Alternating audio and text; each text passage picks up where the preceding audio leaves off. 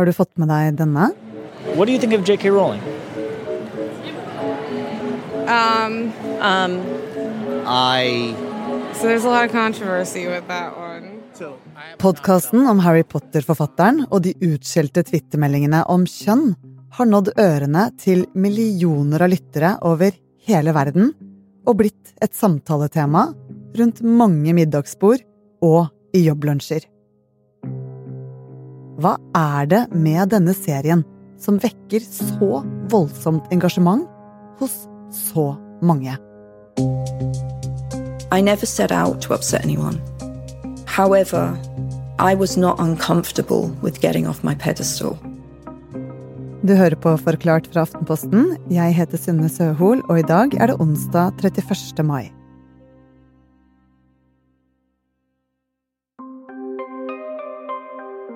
The Witch Trials of J.K. Rowling er blitt populær i mange land, og kanskje spesielt i Norge. Eh, Og den har fått folk fra hele verden til å diskutere kjønn og identitet, og hvorfor denne debatten er så vanskelig. Jakob Semb Osmundsen er journalist her i Aftenposten. Og nylig møtte han journalisten bak podkasten, Megan Phelps Roper, So I'll put the, the recorder on. for å snakke om oppstyret rundt podkasten The Witch Trials of J.K. Rowling. Uh, you know how it works since you're a journalist now. and I would like to start with your motivation. Megan Phelps Roper er en av de få som har fått Rowling i tale om transdebatten. Uh, og hun er den eneste faktisk som har fått intervjue forfatteren i slottet hennes i Skottland. She never gives interviews. She's never given an interview on this. Exactly. She's never done something like long like this. Nobody's ever like. Roper mener årsaken er at Rowling ble nysgjerrig på bakgrunnen hennes. Hun vokste nemlig opp i den beryktede Westboro Baptist Church, som er en ekstremt kontroversiell religiøs familiesekt. Og det er en helt egen historie, som også har blitt til en dokumentar der Louis Theroux møter Meghan og familien hennes. Men hun brøt med familien og har endret syn på det meste, blant annet skeive. Nå er Phelps Roper blitt kjent for podkasten som forteller om J.K. Rowling. Altså alt fra hvordan hun fikk ideen til Harry Potter-serien, til hvordan bøkene ble forsøkt bannlyst av kristenkonservative da de først kom ut, til hvordan hun nå blir møtt med beskyldninger om at hun er transfob. Twittermeldingene har du kanskje hørt om, men la oss ta en liten oppsummering. Det startet altså i 2018. Da trykket forfatteren like på en twittermelding som refererte til at transkvinner var menn i kjoler. I 2019 støttet hun en forsker som mente at man ikke kan forandre kjønnet sitt. Og i 2020 skrev hun igjen. Denne gangen postet hun en artikkel som hadde People Who Menstruate i tittelen, og til den kommenterte hun spøkefullt at hun mener å huske at det fantes et eget ord for mennesker som menstruerer. I podkasten hevder Rowling at hun tidligere levde i et voldelig forhold. Og denne voldserfaringen er veldig sentral for hvorfor hun engasjerer seg i dette temaet, sier hun. Og bare for å ha det klart, Rowling har både skrevet på Twitter og sier i podkasten at hun respekterer transpersoner. Samtidig frykter Rowling at menn under dekke av å si at de er trans, skal få tilgang til rom der de kan forgripe seg på kvinner. Som eksempel en garderobe eller et offentlig toalett.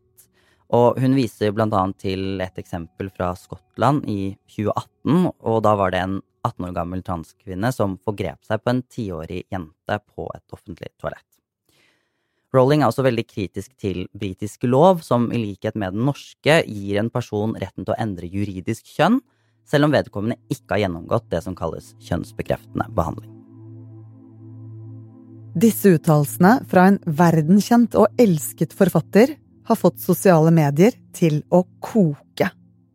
So J.K. Rowling has been back on the transphobia train recently. Yeah, I'm angry, but also really confused. TERFs have a major problem. This would be J.K. Rowling and her friends. J.K. Rowling er blitt stemplet som TERF, av aktivister, og det er et skjellsord for feminister som de mener ikke anerkjenner transpersoner. Og det podkasten prøver å gjøre, er på et vis å rydde opp i hva som er sagt, hvorfor Rowling har sagt det, og diskutere kritikken hun har møtt. For i tillegg snakker Phelps Roper med transpersoner om deres forhold til forfatteren. For dem er Rowling personen bak universet der de som føler seg utenfor, f.eks. transpersoner, kan finne et hjem.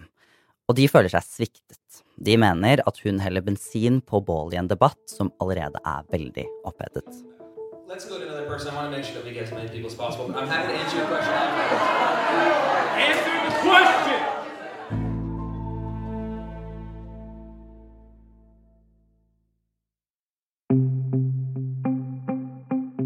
Jakob Sembe Osmundsen, hva er det JK Rowling sier i podkasten som folk syns er kontroversielt? Rowling blir beskyldt for å fremstille transkvinner som farlige. Eh, og det er jo særlig spørsmål om kjønnsdelte rom, som garderober, toaletter og fengsler hun bryr seg veldig mye om. I podkasten så sier hun blant annet eh, at alt rovdyr vil ha, er tilgang, og da snakker hun om overgripere, men det er noen som mener at dette mistenkeliggjør alle transpersoner. Og denne retorikken til Rowling er det jo da mange som har reagert på. Ja, Når du sier at eh, hun snakker om rovdyr, så er det altså en oversettelse av ordet predators, eh, som ofte brukes om overgripere på engelsk. Og Jakob, er det disse uttalelsene som har gjort at podkasten har fått så mye oppmerksomhet, eller hva er det som gjør at den har nådd til så mange millioner? Først og fremst så er jo JK Rowling en av verdens mest kjente personer. Eh, veldig mange har et forhold til henne. Mange har vokst opp med Harry Potter-bøkene. Så det at hun har engasjert seg sånn i et politisk spørsmål, har vekket manges interesse. Og podkasten er første gang hun snakker ut om disse meningene, og det har mange ventet på.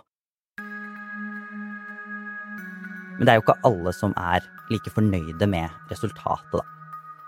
Og dette har du kanskje diskutert i middagsselskaper i det siste. For her er folk virkelig splittet. Noen synes podkasten er balansert, andre mener Rowling blir fremstilt som et offer, og at hun får for mye plass til å forklare seg. Transkvinnen Natalie Wynn er en av kildene i podkasten. Hun er YouTuber med et ganske stort publikum fra før av, og hun er veldig relevant fordi hun selv har opplevd å bli forsøkt kansellert av ting hun har sagt på YouTube. Wynn har likevel gått ut på YouTube-kanalen sin og sagt at hun angrer på å ha vært med i podkasten. Basically, I agreed to the podcast because it's a pretty irresistible pitch. Would you say no to that? Maybe. If you're smart. I denne videoen så sier hun at hun føler at hele prosjektet har slagside, og at det legges opp til at man skal sympatisere med Rowling som offer for en heksejakt. Hun understreker at svært få transpersoner er dybdeintervjuet, det er kun to, og hun mener de transkritiske kildene får transpersoner til å fremstå som aggressive, irrasjonelle og til og med farlige. Og hun får støtte for dette perspektivet. Flere mener at Rowling får for mye plass og ikke har fått nok kritiske spørsmål. Andre mener det motsatte, at transaktivistene ikke blir kritisert nok. Om denne kritikken så sier Phelps Roper at det er kjedelig at podkasten oppleves sånn, men at de også har fått kritikk for å ikke være kritiske nok til transpersoner i serien. I 2011 ble 26 personer henvist til kjønnsbekreftende behandling her i Norge. I 2022 ble 275 henvist. Selv om det er en stor økning, så er det fortsatt en liten gruppe det gjelder. Så hvorfor engasjerer det så mange da? These are very foundational things Mm. about what it means to be human and how Mm. we live in the world. Mm. Um, and so Dette engasjerer folk flest fordi det handler om noe helt grunnleggende ved det å være menneske, altså kjønn og hvordan vi lever i verden. At mange nå stiller spørsmål ved dette, kan kjennes nytt og til og med utrygt for mange. For mange handler dette også om en minoritet som er veldig sårbar. For eksempel så viser undersøkelser at mange transpersoner opplever diskriminering, og én av tre transpersoner har forsøkt å ta sitt eget liv. Podkasten engasjerer nok også veldig på grunn av den bredere politiske konteksten i dag. Den går rett inn i en kulturkrig som kjempes i mange land, og da særlig i USA.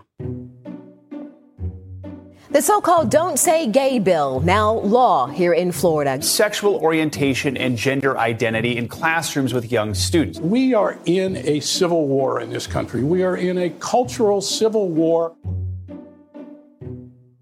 Transpersoner står nå i kryssilden i kulturkrigen i USA. Transpersoner har jo alltid eksistert, men de siste årene er kjønn kanskje blitt det viktigste temaet i denne kulturkrigen. Enkelt forklart så handler dette om to ytterpunkter. Det som ofte blir kalt for woke og anti-woke. Woke-siden sier de er opptatt av rasisme og diskriminering av skeive og transpersoner, men anti-woke-siden anklager woke for å være gjennomsyret av politisk korrekthet. Og for å promotere en ideologi som går mot biologiske forståelser av kjønn, som de mener er skadelig for barn. Som konsekvens ser vi en bølge av lover rundt om i USA som dreier seg nettopp om kjønn. Lovene handler om f.eks. det å begrense undervisning om kjønn og seksualitet i skoler, og det å hindre tilgang på kjønnsbekreftende behandling. We fight the woke in the legislature. We fight the woke in the schools. We fight the woke in the corporations. We will never ever surrender. For eksempel Floridas guvernør Ron DeSantis, som nå har stilt som presidentkandidat, er blant dem som kjemper for dette. Florida is where woke goes to die. Det at kjønnsdebatten er blitt en del av kulturkrigen, gjør den veldig mye vanskeligere. Den blir mer svart-hvitt, og mange vegrer seg for å delta i samtalen fordi de rett og slett er redde for å ufrivillig bli plassert på en av sidene i den polariserte debatten. Og det er jo det Megan Phelps Roper forsøker å gjøre med podkasten, altså få fram nyansene og oppfordre til mer sivilisert debatt. The attempt to suppress the debate um, which I think in general, like I think it comes from a position of fear. They understand that there are people who think that they should not exist, who oppose their assimilation into society and their the idea that they should be accepted. But I think it just misses something fundamental about human nature, which is that th- the suppression is not going to change hearts and minds. It's not going to accomplish the goal that they are setting out.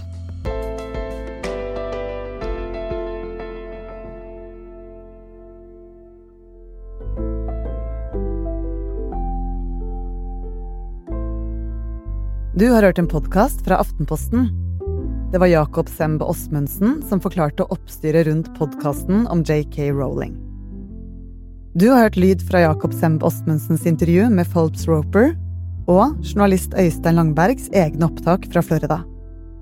Lyden du hørte ellers, er fra sosiale medier, podkasten The Witch Trials of JK Rowling, YouTube-kanalene til Natalie Wynn og Ron DeSantis, ABC, NBC og CNN. Denne episoden er laget av produsent Jenny Førland og meg, Synne Søhol. Resten av Forklart er Philip A. Johannesborg, Olav Eggesvik og Anders Weberg. De siste 15 årene har det skjedd ting i land etter land som ville ha vært helt utenkelig tidligere. Populismen og konspirasjonene florerer. Hele Trumps valgkamp, Trumps presidentperiode, Erdogan i Tyrkia, Orban i Ungarn. Dette er noe som preger det politiske livet på en helt annen måte i dag enn det gjorde for 20 år siden. Men hvorfor? Sosiale medier kan du jo riste på hodet og si, men det her er større. Hør Dypdykk i Aftenposten-appen eller hos Podme.